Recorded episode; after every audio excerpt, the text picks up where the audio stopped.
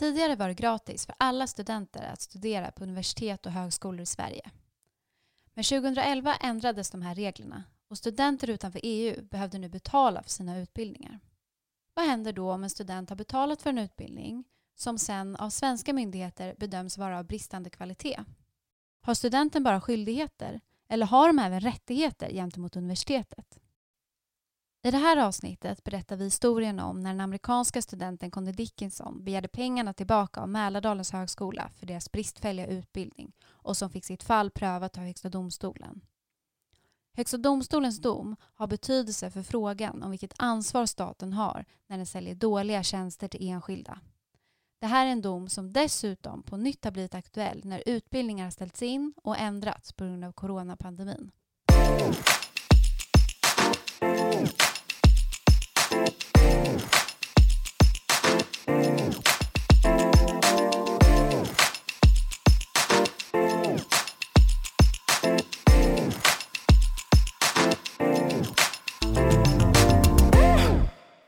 Conny Dickinson sitter på golvet i datasalen och knapprar på sin dator. Under dagens programmeringskurs var alla stolarna upptagna och hon fick helt enkelt inta en plats på golvet. Conny läser programmet Analytical Finance på Mälardalens högskola och även om hon tycker att det är intressant så är det inte alls som hon har tänkt sig. Luften är tung i den överfyllda datasalen och Conny har svårt att koncentrera sig på vad läraren försöker få fram på sin bristfälliga engelska. Jag var jätteförvånad. Jag hade förväntat mig mycket mer. Det är så minimikrav att kunna engelska om man ska lära ut någonting på engelska. Jag insåg ganska snabbt att det var väldigt annorlunda än jag hade förväntat mig att plugga på Mälardalen. Men hur hamnar egentligen en tjej från Kalifornien på golvet i datasalen på Mälardalens högskola? Conny är uppvuxen utanför San Francisco i USA hon är amerikansk medborgare men hennes mamma är svensk och hon har släkt som bor utanför Västerås. Conny gillar att frågor har tydligt rätt svar. Hon har därför alltid varit intresserad av matematik. När hon under våren 2011 bestämde sig för att hon ville flytta till Sverige och studera här så valde hon att söka programmet Analytical Finance vid Mälardalens högskola. Jag kunde lite svenska redan och jag hade familj eh, ute på Västerås. Så det kändes som det var ett ganska självklart val. Om jag ville plugga någon annanstans, det är så, så himla dyrt i USA att plugga. När Conny läste om vad hon skulle få ut av utbildningen kändes det helt rätt. De lovade att uh, då ska man ha lättare tillgång till att jobba i flera olika industrier. Alltså till och med bankområde och ja, jag jobbar i finans. Att de, de, när de, jag läste alla material, det verkade som de flesta som hade pluggat klart hade ganska lätt att hitta jobb också. Sommaren 2011 sätter sig Conny på ett flygplan och börjar resan över Atlanten. Conny är spänd men förväntansfylld. Nu ska en ny tid i livet börja. Väskan är packad, hon har fixat bostad och första studieavgiften är betald. Connys utbildning på Mälardalens högskola ska pågå i tre år och varje termin kostar 55 000 kronor. Hon har alltså börjat samla ihop ungefär 330 000 kronor för att ha råd med själva utbildningen. Jag var bartender så jag hade sparade pengar som jag hade tjänat eh, ihop själv. Också att jag, jag lånade lite pengar från min pappa för att hjälpa till med kostnader. För man måste också visa att man har x antal pengar i kontot innan man kan inte bara för att betala kursen för, utan för att försörja sig själv. Conny ingick i den första kullen betalande studenter i Sverige och hon var inte ensam om att betala för sin utbildning. 2011, precis efter att Sverige infört avgiftsskyldigheten för utländska studenter, kom det drygt 1100 betalande studenter till Sverige. Och Connys utbildning startar. Hon börjar med att studera några kurser i svenska för att förbättra språket. Och sen var det dags för utbildningen i Analytical Finance. Ganska snart upptäcker Conny att något inte står rätt till. Trots att utbildningen skulle ges på engelska har många lärare bristande språkkunskaper i både engelska och svenska, vilket gör det svårt för dem att kommunicera med studenterna. Det är svårt att kommunicera med vissa av lärarna. De är inte särskilt duktiga på engelska. Och själva programmet skulle vara på engelska. Eh, jag som tur är kunde lite svenska redan på grund av alltså, min familj. Och de visa kunde inte svenska heller. Så det var lite stökigt att kommunicera med dem överlag. Och sen var det mycket som saknade pedagogiskt också. Conny tycker också att pedagogiken är bristfällig. Ganska ofta delar lärarna bara ut stenciler till studenterna utan att ge någon närmare instruktion. Och under programmeringskursen har inte ens alla studenter datorer att arbeta med. Det fanns inte, förutom dator till alla, att det fanns inte stolar för alla. Så det fanns datorprogrammeringskurs och folk satt på golvet. Och, och, när jag pratade med dem på expeditionen och uh, han som uh, var ansvarig över matematikutbildningar. Det var någon som påstod att de hade inte pengar till det. Men de hade alla mina pengar så jag fattade hur... Det, det finns en jättestor Ikea i Västerås. De kunde ha gått dit och köpt några stolar för 100 spänn. Conny väljer att agera för att utbildningen ska bli bättre. Hon skriver mejl till högskolan och till universitets och högskolerådet och berättar om problemen. Hon genomför också en namninsamling bland sina kurskamrater för att visa att det är fler som är besvikna på utbildningen. 19 av 25 studenter skriver under namninsamlingen. Connys upprepade försök att få högskolan att förstå att utbildningen inte håller måttet för att få till en förändring leder inte till något. Under vårterminen 2013 hoppar Conny därför av utbildningen. Hon har då läst två år på programmet och hon känner att hon inte kan fortsätta att betala för en så här bristfällig utbildning. Conny känner sig uppgiven och besviken på att det som skulle bli tre lärorika år i Sverige inte alls har blivit som hon har tänkt sig. Men under tiden har det hänt något som får Conny att inse att det inte bara är hon som upplever att utbildningen är dålig. Efter ett tag så fick vi som pluggade programmet ett brev från eh, UKE som sa att programmet hade massor med brister och håller inte måttet. Så det bekräftade för mig att det var inte bara jag och det var inte bara mina åsikter förutom att det, det var själva programmet att det var brist på. Universitetskanslerämbetet, förkortat UKÄ, är den myndighet som granskar alla universitets och högskoleutbildningar i Sverige. Om UKÄ tycker att en utbildning har dålig kvalitet kan den besluta om att högskolan inte längre får examinera studenter och då kommer utbildningen att läggas ner. UKÄ hade granskat Connys utbildning och den 6 september 2013 kom beslutet. Utbildningen brast enligt UKÄ på fyra av fem punkter. Det här beslutet innebar att högskolan fått en tidsfrist för att rätta till felen och bevisa att utbildningen håller god kvalitet. Annars skulle utbildningen läggas ner. Två veckor senare begär Conny tillbaka sina pengar som hon har betalat för den bristfälliga utbildningen. Men som svar på begäran säger högskolan att det inte finns någon juridisk möjlighet för dem att betala tillbaka hennes pengar. Ja, jag fortsatte, fortsatte, fortsatte. Men sen, det var, vissa svenska studenter hoppade av. Alla i princip är ganska missnöjda. Så jag tänkte, ja, men det kanske inte bara jag, men vad ska jag göra? Jag har för mig att vi hittade Connys fall, eller att vi blev uppmärksammade på det via media. Fredrik Bergman, chef för Centrum för rättvisa och ombud för Conny Dickinson. Sveriges Radio hade gjort ett inslag om Conny och det faktum då att hon hade begärt ersättning av Mälardalens högskola för att eh, utbildningen hade underkänts men att högskolan hade sagt nej till det och att det blev en, en nyhet som vi snappade upp i våran säga, omvärldsbevakning. Och eh, efter att ha hört det här inslaget så tog vi kontakt med Conny och hade ett möte och på den vägen var det sen. När Centrum för rättvisa uppmärksammar Connys fall har hon alltså flyttat från USA till Sverige, pluggat i några år på en utbildning som hon inte tycker håller måttet och betalat studieavgifter på omkring 170 000 kronor. En svensk myndighet, UKÄ, har dessutom konstaterat att hennes utbildning är av bristfällig kvalitet. För Conny är det för dyrt att börja om och påbörja en ny utbildning. Det har hon inte råd med. Så istället så bestämmer hon sig för att försöka kräva tillbaka pengarna med hjälp av Centrum för rättvisa. Men det är inte självklart hur det här ska gå till. Vi lyssnar på hur det lät när P4 Västmanland rapporterade om fallet. Sen konstaterade även Universitetskanslerämbetet, UKÄ, att utbildningen har bristande kvaliteter. Men det här är inget som gör att Mälardalens högskola tänker betala tillbaka Connys 183 000 kronor. Björn Magnusson är ekonomichef på Mälardalens högskola. Du kan inte få tillbaka studieavgiften på grund av eh, en anmärkning om bristande kvalitet. Missnöjdheten är ju subjektiv också. Alltså jo, men nu handlar det inte enbart om hennes missnöjdhet. Nu handlar det även om att universitetskanslerämbetet säger att den här utbildningen har bristande kvaliteter. Ja, absolut. Det har de ju sagt här. så, så. Men, men det är fortfarande inte kopplat till studieavgiften i sig. Systemet med studieavgifter för utländska studenter är nytt och det har aldrig tidigare hänt i Sverige att en student får tillbaka pengar för en bristfällig utbildning. Centrum för rättvisas jurister gör bedömningen att den bästa argumentationslinjen för Conny det är att säga att hon har ingått ett civilrättsligt avtal med Mälardalens högskola och att högskolan genom att leverera den bristfälliga utbildningen har gjort sig skyldig till ett avtalsbrott som berättigar Conny att få tillbaka studieavgifterna på civilrättslig grund.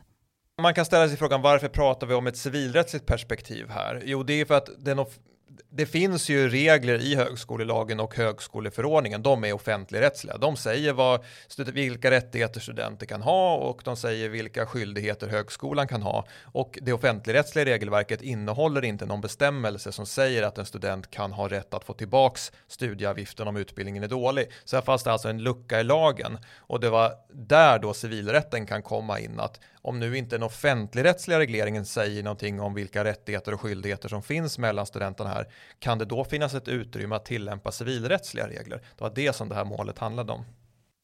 Men vad var egentligen problemet? Om en person anlitar en målare för att måla om hemma hos sig och så målar den här målaren med en annan färg än den som man har kommit överens om, då kan man ju begära att målaren antingen målar om eller att man får avdrag på priset. Är det inte en självklarhet att man ska få tillbaka pengarna om man har köpt en tjänst som är dålig? På förhand så var det inte alldeles givet. Kristina Ramberg, professor i civilrätt vid Stockholms universitet. Synen på utbildning i Sverige är väldigt mycket att det är staten som ger dig något. Du ska vara glad och tacksam och hålla käften. Alltså det viktiga för Conny är ju att hon får pengar.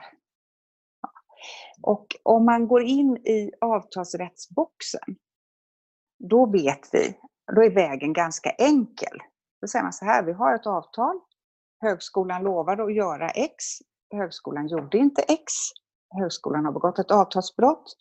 Nu har Conny rätt till påföljder. Hon, hon kan få avhjälpande, hon kan få prisavdrag, hon kan få häva, hon kan få skadestånd. Alltså där, där, där, där är vägen mot Conny ska få pengar är synlig och enkel. Om vi istället säger att det är inget avtal, utan det är någon annan sorts relation, någon sorts förvaltningsrättslig relation, offentligrättslig relation.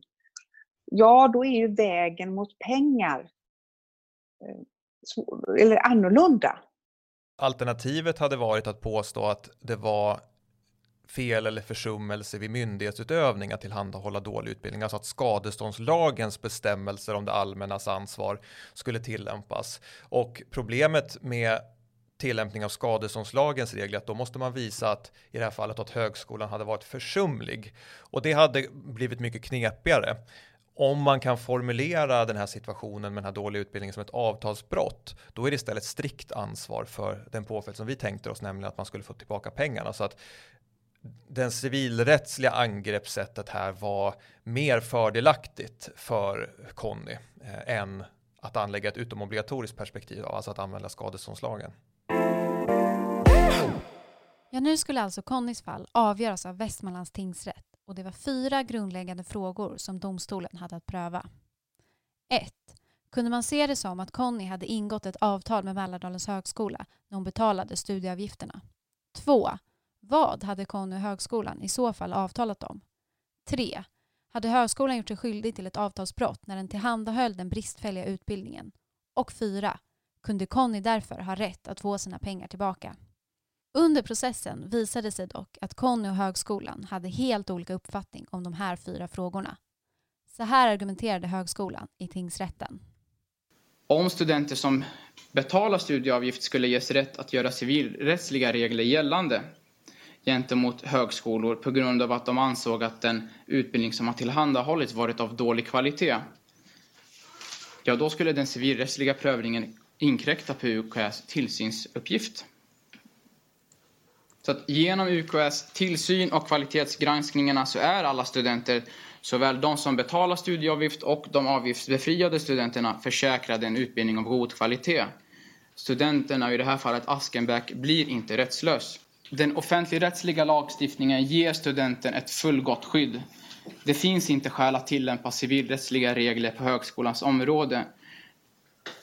Vi har UKÄs tillsyn, möjligheten att överklaga myndighetsbeslut i förvaltningsdomstol. Vi har regler om rättighets och omprövning vid betygssättning. Vi har skadeståndsansvar för staten vid fel och försummelse vid myndighetsutövning, vilket är andrahandsgrunden i det här målet. Och vi har också förvaltningslagens att förvaltningslagen garanterar grundläggande rättssäkerhet i högskolornas ärenden. Mälardalens högskolas inställning i målet var alltså att man inte kunde se det som att Conny och högskolan hade ingått ett avtal om utbildningens kvalitet.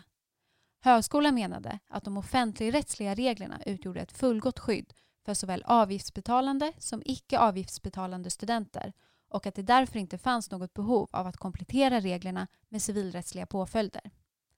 Vi lyssnar på Fredrik Bergman igen om hur Conny Dickinson bemötte högskolans invändningar. Högskolan hade ju ett argument om att de offentligrättsliga reglerna, bland annat om universitetskanslersämbetets tillsyn, var som ett fullgott rättsskydd och att det därför inte fanns någon anledning för domstolarna liksom att tillskapa ytterligare här, rättsmedel i form av möjlighet att då få eh, ersättning på avtalsrättslig grund. Och vårt motargument där, det ju, var ju framförallt att den offentligrättsliga tillsynen har ju som ett annat syfte. Den, är ju, den handlar ju om att se till att utbildningarna håller en god kvalitet och när universitetskanslersämbetet griper in och påtalar brister då handlar det framförallt om att man ska se till att framåt i tiden se till att utbildningen håller rätt kvalitet. Så att om man säger att de offentligrättsliga reglerna och, och universitetskanslers tillsyn var liksom framåtblickande så handlar ju eh, det här fallet med Conny Dickinson om att få ersättning för det som har skett bakåt i tiden, alltså att få reparation för eh, att man har fått en dålig utbildning. Vårt argument här var att det civilrättsliga perspektivet är ett viktigt komplement till det offentligrättsliga regelverket.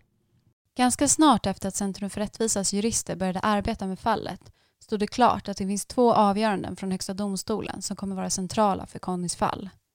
För frågan om det kan uppstå ett civilrättsligt avtal inom ramen för en offentlig verksamhet hade behandlats av Högsta domstolen i två fall rörande barnomsorg. I båda fallen hade föräldrarna begärt återbetalning av avgiften för deras barns barnomsorg. I det första fallet för att förskolans lokaler hade varit mögliga och i det andra fallet för att personalen en tid hade varit uttagen i strejk. Högsta domstolen slog fast att det uppkommer ett civilrättsligt avtal när man betalar kommunen för en barnomsorgsplats, även om tjänsten är subventionerad av staten. Ja, vi har ju två tidigare fall om barnomsorg där HD ansåg att relationen med föräldrarna var avtalsrättslig. Kristina Ramberg om betydelsen av de här två fallen. Och de, de var väldigt klargörande de där två fallen. Men det är klart, det återstod ett frågetecken. Gäller prejudikatet, gäller den här regeln om att relationen är avtalsrättslig bara vid kommunal barnomsorg? Eller gäller den också för andra relationer som en individ kan ha med staten? Eller med det offentliga? Och det, det var den, den frågan som liksom kom upp i Conny-caset. Kan vi utsträcka barnomsorgsregeln till andra relationer med offentliga organ? Och enligt Kristina Ramberg var det osäkert. Vi har ju i Sverige en väldigt eh, outvecklad prejudikatlära. Man kan egentligen inte på förhand säga hur, stort, hur stor räckvidd ett prejudikat har. Utan det är först i efterhand när man ser hur HD själv tillämpar sina prejudikat som man förstår det. Är den rättsregel som HD har gett genom barnomsorgsfallet så bred? Det kan vi inte säkert veta. En fråga man kan ställa sig är varför Connys situation ens behövde prövas i domstol. I Sverige föregås ju alla nya lagar av en ganska omfattande lagstiftningsprocess med utredningar och remissrundor innan en lag faktiskt är färdig. Diskuterades det inte under den här processen hur ett eventuellt återkrav från en betalande student skulle hanteras? Det enkla svaret på den frågan är jo, det gjorde det. För när reglerna om studieavgifter för utländska studenter utarbetades så diskuterades faktiskt frågan om studenterna som betalat för sin utbildning också skulle kunna kräva att få pengarna tillbaka om utbildningen är dålig. Precis som man i vanliga fall när man köper en tjänst kan begära pengarna tillbaka om tjänsten inte uppfyller det man har avtalat om. Faktum är att just Mälardalens högskola uppmärksammade den här aspekten av de nya reglerna när högskolan som remissinstans yttrade sig över det nya lagförslaget. Vi lyssnar på hur Centrum för rättvisas jurister använder det här remissyttrandet av Mälardalens högskola i tingsrätten. En omständighet som är ganska eh, central i det här målet, som är ändå inne på den här lagstiftningen, och det här kommer vi också återkomma till pläderingsvis, men jag ska ändå fästa rättens uppmärksamhet på det, att när de här reglerna tillkom om avgiftsskyldighet så var det ju flera högskolor som yttrade sig till regeringen och påpekade då att börjar vi ta betalt på det här sättet så kommer eh, det aktualisera vissa civilrättsliga aspekter. Och det står ju så här då att med anledning av promemorian om avstängning av avgiftsskyldiga studenter som inte har betalat studieavgift. Då framhåller Karlstad universitet, Mälardalens högskola, Högskolan Dalarna och Högskolan i Halmstad att ett införande av studieavgifter aktualiserar vissa civilrättsliga aspekter. Mälardalens högskola menar att själva studieavgiften medför att ett civilrättsligt avtal ingås och att det innebär att studenten i en civilrättslig tvist utifrån allmänna avtalsrättsliga principer och eventuellt också en analog tillämpning av konsumenttjänstlagen kan kräva prisavdrag, hävning eller skadestånd. När då, om man vänder blad till sidan 20 så kommenterar, besvarar eller resonerar regeringen kring de här påpekandena. Men då säger regeringen så här då att om betalning av studieavgift skulle kunna innebära att studenter får rättigheter liknande dem i ett civilrättsligt avtal, ja det är en fråga som tills vidare får lösas i rättstillämpningen.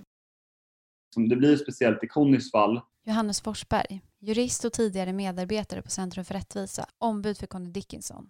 Eh, därför att eh, det enda sättet som det hade kunnat bli prövat i praxis i det här fallet med Connys fall det var ju liksom inom ramen för ett dispositivt tvistemål där den som stämmer är en student som står hela risken för rättegångskostnader. Eh, då blir det lite märkligt kan jag tycka. Därför att eh, nu vann ju lyckligtvis Conny men, men eh, hon, hon riskerade enormt mycket pengar. Även professor Kristina Ramberg reagerar på att lagstiftaren överlämnade frågan om vilka rättigheter betalande studenter har gentemot högskolor och universitet till rättstillämpningen. Jag blir förbannad. Okej, okay. lagstiftaren identifierar ett problem och säger att det här problemet, det överlämnar vi till rättstillämpningen. Och det betyder ju på ren svenska, ah, fasen, vi orkar inte lägga en vecka till på att utreda hur vi ska lösa det här problemet. Istället så tycker vi att det här får medborg en individuell medborgare, eller rättare sagt två individuella medborgare, eller i det här fallet Högskolan i Mälardalen och Conny. De får ägna, hur många år var det? Fyra, fem år åt att processa den här frågan i tre instanser. Så att HD, som är rättstillämparen, kan hitta på en adekvat regel. De ska alltså riska ungefär en miljon kronor vardera. Och i slutänden riskar ju en av parterna två miljoner kronor i rättegångskostnader och tid på att utreda det här problemet som lagstiftaren hade kunnat ägna kan tänka mig 40-50 timmar åt att lösa genom att skriva en lagregel. Min upprördhet här, den, eh, det, jag ger ju uttryck för en politisk uppfattning. jag är inte upprörd på grund av att någon har tillämpat juridiken fel, utan det här är min bestämda politiska uppfattning, att detta är det lägger för ända åt helvete. Nu. Vad sa du? Kom den? Återbetalningsskyldighet för brister i utbildning för kandidatprogrammet Skojar du? Det är ju fantastiskt. Ja, det känns bra. Det känns som att det är rättat till. Jag är jätteglad. Enligt dagens dom från Västmanlands tingsrätt ska Mälardalens högskola betala tillbaka Conny Dickinsons studieavgifter på närmare 200 000 kronor och stå för hennes rättegångskostnader på ungefär 60 000 kronor. Hade Conny Dickinson förlorat hade hon istället riskerat att behöva betala en halv miljon som Mälardalens högskola krävde för sina rättegångskostnader. Conny Dickinson vann alltså i Västmanlands tingsrätt. Domstolen kom fram till att det faktiskt förelåg ett avtal mellan Conny och högskolan och tingsrätten ansåg att bristerna i utbildningen var så pass allvarliga att utbildningen saknade praktiskt värde för Conny. Hon skulle därför få tillbaka hela den summa som hon betalat för utbildningen. Mälardalens högskola överklagade till hovrätten som också gav Conny rätt. Hovrätten kom dock fram till att utbildningen haft visst värde för Conny och hon fick därför bara prisavdrag med halva beloppet. Ja, vi var nöjda med avgörandena i tingsrätten och hovrätten. Eh, det som var kanske förvånande, det var att i tingsrätten att vi vi begärde ju tillbaks, alltså det vi yrkade i målet, det var ju vad Conny totalt sett hade betalat för den här utbildningen, runt 170 000 kronor. Vi trodde väl inte att, att hon skulle få tillbaks hela beloppet eftersom att det skulle ju förutsätta att domstolarna kom fram till att utbildningen var helt värdelös och det, det trodde vi inte att de skulle göra. Så att vi blev förvånade när tingsrätten kom fram till att utbildningen var så pass värdelös att hon skulle ha tillbaks hela beloppet. Så det eh, det var ju så, det var kul den dagen när domen kom och man fick fullt bifall såklart, men vi insåg ju omedelbart att det här kommer ju inte stå sig högre rätt. Vi trodde ju att det här skulle, att Conny skulle vinna i, i hovrätten och högsta domstolen också, men vi, vi insåg att fullt bifall när det gäller beloppet, det skulle hon inte få. Idag ska Conny Dickinson Askenbäcks fall avgöras i Högsta domstolen, HD. Det handlar om studenten som inte var nöjd med sin utbildning på Mälardalens högskola och krävde pengarna tillbaka. Och så här sa högskoledirektör Ann Cederberg på MDH varför de valde att överklaga till Högsta domstolen. Vi går så högt vi kan med den här frågan så att alla lärosätena får veta vad som gäller.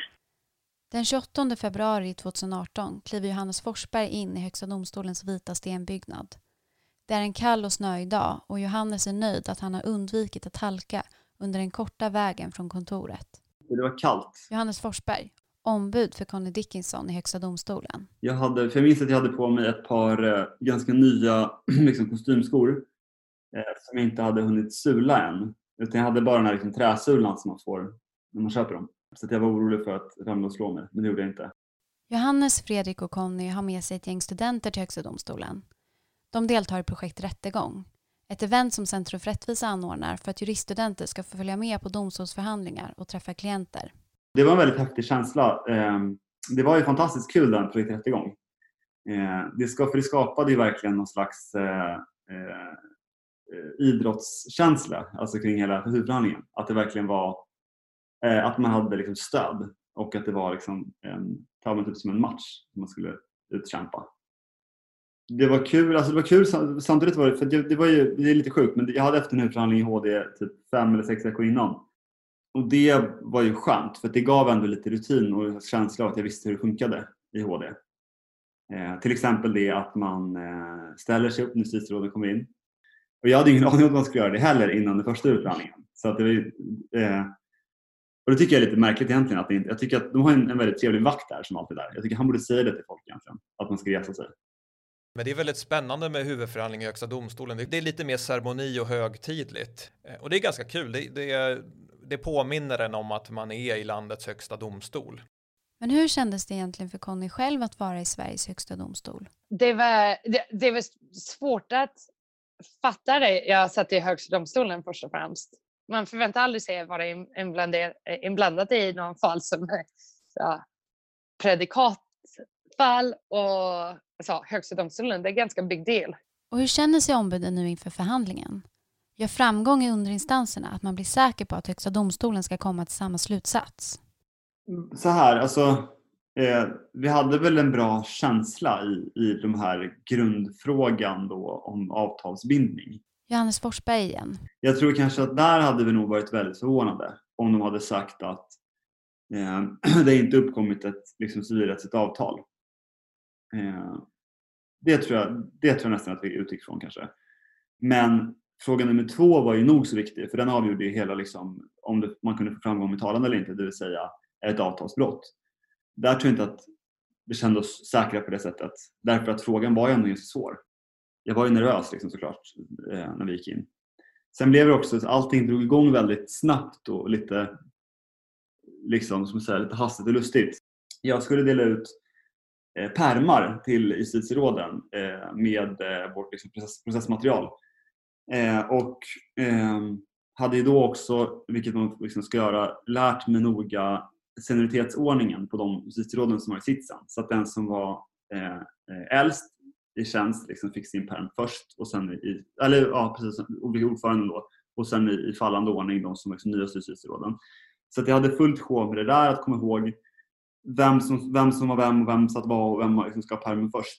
Och då plötsligt började ordföranden eh, liksom hetsa på mig och jag sa ja då ska vi höra Conny Dickinson sakframställan. Och liksom, eh, så då får jag liksom börja hålla sakframställan medan jag står med pärmar i hela famnen liksom framme vid liksom, domarbänken. Eh, så det är väldigt märkligt eh, och lite så här stressig start. Men sen känns det som att det efter liksom några minuter så när jag, fått, när jag fått gå tillbaka till min plats och sätta mig liksom, så, så infann sig en slags lugn och, så, och sen tycker jag att det gick bra. Under förhandlingen spelas förhöret från tingsrätten upp. Först hade Conny fått frågor från sina egna ombud och därefter hade det varit ombuden från Mälardalens högskolas tur att ställa frågor. Du har ju läst en del poäng på Mälardalens ja. högskola och, kunnat, och, och, fått poäng. Och så har du tillgodoräknat dig en del poäng också för de kurser som du har läst i USA. Mm. De, poäng, de sammanlagda poängen hade du kunnat tillgodoräkna dig på ett annat program och inte behövt betala en studieavgift för. Då hade du bara behövt betala för liksom det tillkommande högskolepoängen. Så jag rekommenderar att jag går tillbaka till staterna så jag behöver inte betala ett studieavgift. Ja, det var nog ingen rekommendation. Nej. Jag försöker ställa en fråga men det ja. kanske är svårt att förstå. Det är okej. Okay. Omformulera den i så fall. Frågan är varför har du inte fortsatt antingen på Mälardalen eller på någon annan högskola i Sverige och gått färdigt? Ja, men alltså jag tycker det är ganska klart varför jag skulle inte fortsätta på Mälardalens. Eh, frågan är bara varför mm. du inte har gjort det. Ja, det... Eller någon annan högskola. Ja, det kunde jag ha gjort. Men... Varför har du inte gjort det i frågan? Ja, för jag... Vad är bevekelsegrunden för att du inte har fortsatt det som du ville göra? Ja, jag ska försöka göra det, men det har jag inte gjort hittills. Nej, och vad är skälet till det? På grund av pengarna. Pengar, okej. Okay. Mm. Frågan är hur det känns att bli grillad i ett domstolsförhör på det här sättet. Ja, det är väl lite provocerande. För det var, ja, som du sa, de grillade mig. Ja, jag förväntade, jag tyckte det var ganska klart. Det var inte jag som kom och anklagade dem för en massa med saker förutom att det, det var de som meddelade mig. Så jag tyckte det var ganska ja, surrealistiskt och förvirrande att de skulle rikta det mot mig och säga att det var mitt fel. Att det var problem när det var ganska klart att de hade meddelat mig att det var tvärtom. Glädje på Centrum för rättvisa efter dom i Högsta domstolen som ger student rätt. Ja, amerikanska studenten Connie Dickinson Askenbäck fick rätt i tvisten med Mälardalens högskola. Hon var missnöjd med sin utbildning på högskolan och ville ha pengarna tillbaka. Hon får nu 114 000 kronor och slipper betala rättegångskostnaderna. Fredrik Bergman på Centrum för rättvisa som drivit fallet är mycket nöjd med domen i Högsta domstolen. Ja, vi på Centrum för rättvisa är ju såklart väldigt glada för Conny att hon nu efter nästan fem år eh, får rätt och att det sätter punkt för en lång rättsprocess i Högsta domstolen med vinst. Så att det är vi, vi är väldigt glada för det. Vad kommer hända nu tror du? Ja, det, det, man ska ha med sig är att Högsta domstolen säger i den här domen att Mälardalens högskola genom att sälja en utbildning till Conny Dickinson som inte höll måttet har ett rättsligt ansvar för det och kan bli återbetalningsskyldig. Och I det här fallet så ska eh, högskolan betala tillbaka två tredjedelar av vad Conny har betalat. Eh, högskolans argument i den här rättegången var att de inte hade något rättsligt ansvar för den här bristfälliga utbildningen. Så att det är bra att Högsta domstolen nu har slagit fast det. Jag fick en mejl från eh, uh, Centrum för rättvisa och eh, samtal. Och de berättade att jag hade vunnit nästan alla mina pengar tillbaka. Men jag var med eh, ränta på det. Så det, det, det, kom upp en rejäl summa som jag var supernöjd med. Och, vi var i Staterna faktiskt. Jag var på semester med min man. Så det var nästan mitt i natten i Kalifornien. Men ja, det var så spännande att vi var så klarvaken då. Eh, nej, jag, jag visste att det skulle komma men Jocke låg och, och sov så jag väckte honom. Det var faktiskt eh, senare på natten ringde, jag tror det var TV4. Han låg och snarkade och jag pratade lite med dem på morgonen. det var morgon i Sverige. Och han snarkade och pratade om hur glad jag var jag hade vunnit det i Högsta domstolen. Så det var lite kul. De också ville ha videochatt med mig, men ja, vi, vi låg i sängen så jag var att nej, det kanske inte är superlämpligt. Efter fem års processande i domstol vann alltså Conny mot Mälardalens högskola i Högsta domstolen. Precis som underrätterna kom Högsta domstolen fram till att det förelåg ett avtal mellan Conny och högskolan. Högsta domstolen skriver så här i domen. Slutsatsen blir att allmänna kontraktsrättsliga principer bör tillämpas när det gäller att bedöma vilka rättigheter en avgiftsbetalande student har i förhållande till en högskola beträffande utbildningens kvalitet och vilka påföljder som kan göras gällande vid eventuella avvikelser från kvalitetskraven. Högsta domstolen ansåg därefter att utbildningens bristande kvalitet innebar att det förelåg ett avtalsbrott från högskolans sida och att Conny därför hade rätt till prisavdrag. Och sen vad gäller frågan om storleken på avdraget, då kom Högsta domstolen fram till att Conny hade rätt till ett prisavdrag motsvarande två tredjedelar av priset. Högsta domstolen la sig alltså ungefär mitt emellan tingsrätten och hovrätten i den delen. Vi lyssnar på Kristina Ramberg om betydelsen av Högsta domstolens dom. Den är spännande eftersom det är en dom i en rad av domar. Som, och det, liksom, det är precis som att HD först slår i en spik, eller slår i spiken med ett slag. Och så ett slag till och så kommer ett tredje slag och där liksom sitter spiken i kistan. Nu är det väldigt tydligt att har du en relation med ett offentligt organ där du betalar pengar eh, och, och det är en tjänst som någon annan i och för sig hade kunnat utföra, alltså ett privat organ hade kunnat utföra, då är det ett avtal. Då är vi på avtalsrättens område, vi är inte inne i förvaltningsrätten. Eh, varför behövdes en tredje spiken? Jo, för att det var ju trots allt fall om barnomsorg och det var kommunen. Nu är det staten och det är universitetsutbildning. Så att man kan säga att det var väl väldigt bra när HD beslutar att den regel som har utvecklats för barnomsorg, kommunal barnomsorg, också gäller för statlig utbildningsverksamhet, så ger ju HD tydlig vägledning om att det är väldigt många relationer som man har med offentliga organ som kan klassificeras som avtal. Det här fallet är viktigt både för högskolesektorn där det nu är klargjort att Fredrik Bergman, chef för Centrum för rättvisa, igen. Betalande utländska studenter har rätt att få prisavdrag om utbildningen är dålig. Det är såklart viktigt i sig från ett rättssäkerhetsperspektiv. Men det kanske mest intressanta med den här domen det är att den bekräftar att det här är numera en generell princip. Det som för första gången slogs fast i barnomsorgsfallen. Nämligen att när det allmänna tillhandahåller tjänster Eh, till enskilda då kan det i vissa fall anläggas civilrättsliga eh, regler och civilrättsligt perspektiv och att om det allmänna då tillhandahåller dåliga tjänster så kan enskilda faktiskt utkräva ansvar och få ersättning och prisavdrag från det allmänna. Så det är viktigt ur ett rättssäkerhetsperspektiv att den här luckan som fanns när det gäller det allmännas ansvar nu har täppts igen genom Högsta domstolens praxis. Högsta domstolen kom alltså fram till att när Conny betalade studieavgiften hade hon och högskolan ingått ett ömsesidigt förpliktande avtal. När högskolan sedan tillhandahöll en utbildning som inte höll godtagbar standard då hade Conny rätt till prisavdrag motsvarande två tredjedelar av vad hon hade betalat. Högskolan hade alltså ett ansvar för att den sålt en dålig tjänst och Conny hade rätt att få pengarna tillbaka. Högsta domstolens dom startade en debatt om domen även skulle kunna användas av svenska studenter som är missnöjda med kvaliteten på sin utbildning. Flera befarade att det här skulle leda till massor av krav på ersättning från missnöjda studenter.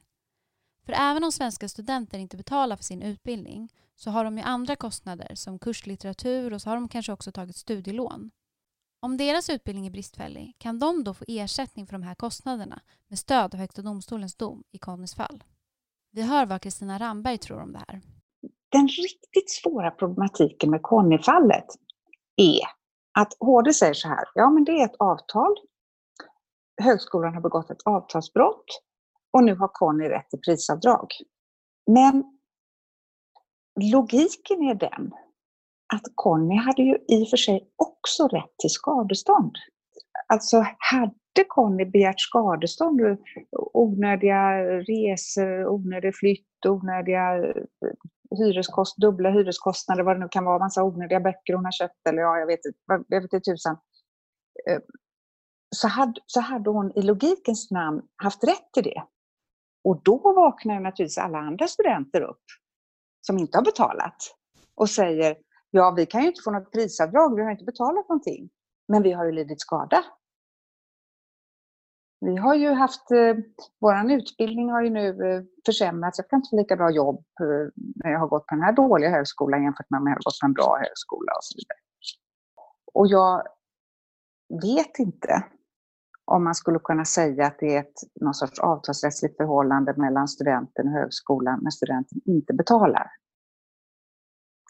Men jag tror, alltså, min, min gut feeling säger mig att det är inte ett avtalsförhållande. Det, det, nej men det, jag, tycker inte, jag tycker det är väldigt tillfredsställande att Conny fick tillbaka pengar när, när utbildningen var dålig. Det tycker jag är väldigt tillfredsställande. Eh, men jag tycker det, känns, det är lite underligt att olika studenter har olika relationer till samma fenomen. Tvärt vad många befarade efter att Högsta domstolen meddelat sin dom i Connys fall så har den inte lett till massor av krav och ersättning från missnöjda studenter. Men frågan är om det här kan komma att ändras nu i och med det som har hänt under coronapandemin. I en artikel i Dagens Industri den 12 maj 2020 står det att utländska studenter som betalat för sina utbildningar i Sverige nu vill ha sina pengar tillbaka eftersom de anser att utbildningen inte hållit måttet när den har utförts på distans på grund av coronapandemin. I artikeln står det att vissa studenter har betalat 65 000 kronor per termin för sin utbildning. Har de här studenterna rätt att få tillbaka sina pengar med stöd av Högsta domstolens dom i Connys fall? Vi lyssnar på Johannes Forsberg. Ja, det är absolut möjligt att tillämpa den. Sen är frågan om det leder till bifall för deras talan. Det är en helt annan fråga. Men att, jag skulle säga så här att det blir Connys dom, eh, det innebär att man ska anlägga ett, ett kontraktsrättsligt synsätt det i förlängningen betyder att de här personerna är i exakt samma situation, tänker jag, som alla andra som har fått olika tjänster indragna eller inte levererade och så på grund av coronan. Liksom. Eh, det är min spontana tanke. Att eh, visst, de har rätt att få sin tjänst liksom levererad, de har inte fått det. Eh, men sen är det hela den här force majeure-aspekten som ju, tänker jag, finns i alla de här avtalen som, som ingåtts och inte fullföljts på grund av coronan. För den tänker jag att, att om man ska tänka att, att, att att högskolorna då är tjänsteleverantörer som ska bedömas på samma sätt som i privata hänseenden. Så det, det medför ju också så att säga, vissa rättigheter för dem. Att, så här, de har väl, tänker jag, spontant så tänker jag att på samma sätt som eh, ett företag kan, kan eh, åberopa eh, force majeure så, så kan väl högskolor kanske göra det också. Sen vet inte jag om det, om det finns några sådana skrivelser i liksom de dokumenten alltså så här, kring antagning av utländska studenter eller man kan säga att det kanske är en slags allmän princip att man inte är ersättningsskyldig för någonting som ligger utanför ens kontroll som coronan och så. Alltså den här frågan är superintressant eh, och den är, den är också väldigt rolig för en teoretiker att fundera över. Om jag har förstått UKÄ rätt så kommer inte UKÄ att hugga på utbildningar eh, som eh, har utförts nu under vårterminen 2020. Så vi kommer inte att få ett beslut från UKÄ att den här utbildningen eh, är dålig. Men HD i Conny-fallet fäste sig ju inte bara vid att UKÄ hade dissat och fattat ett beslut om att utbildningen var dålig. Utan HD pekade ju på att även andra saker kan utgöra så att säga, fel i tjänsten, fel i utbildningsavtalet. Eh, och bland annat så säger HD att uppgifter som studenten har fått om utbildningens uppläggning och innehåll är ett löfte och brott mot det löftet är ett avtalsbrott. Och låt oss nu säga att de här studenterna eh, har fått uppgift om att det kommer att vara si och så mycket eh, fysisk undervisning. Och vi kommer att ha jättemånga labb där vi sitter och diskuterar eh, fysiskt och det är hands-on undervisning och så vidare. Ja, och så blev det inte det nu på grund av corona. Då kan man säga, då är ju det ett avtalsbrott. Och om man kommer fram till att det gör det, vilket jag tror är svårt, men om man kommer fram till att ja, men högskolan faktiskt inte gjort det de har lovat, då kommer, då kommer högskolan att invända, ja men det vore oskäligt enligt 36 paragrafen avtalslagen att vi skulle utföra det här som inte gick att utföra på grund av corona. Och, och vi, behö, vi behöver, det, det, det är någonting som vore väldigt angeläget från HDs sida. Vi behöver mer vägledning från HD om hur man ska tänka med 36 paragrafen avtalslagen och ändrade förhållanden. Jag hoppas att någonting positivt med corona kan vara att vi kommer att få några case om just 36 paragrafen och ändrade förhållanden. Du har lyssnat på det femte avsnittet av Centrum för rättvisas podd som har handlat om när Conny Dickinson stämde Mälardalens högskola och begärde pengarna tillbaka för deras bristfälliga utbildning. Fallet avgjordes till slut av Högsta domstolen som kom fram till att studenter som betalar för sin högskoleutbildning inte bara har skyldigheter utan också rättigheter gentemot högskolan. Staten har helt enkelt ett ansvar när den säljer dåliga tjänster till enskilda. Och kanske är det så att vi kommer få se fler sådana här fall nu när studenter begär pengarna tillbaka för att de har fått bristfälliga utbildningar under coronapandemin. Nu tar podden sommaruppehåll, men vi är tillbaka igen i höst. Till dess önskar vi alla våra lyssnare en riktigt fin sommar.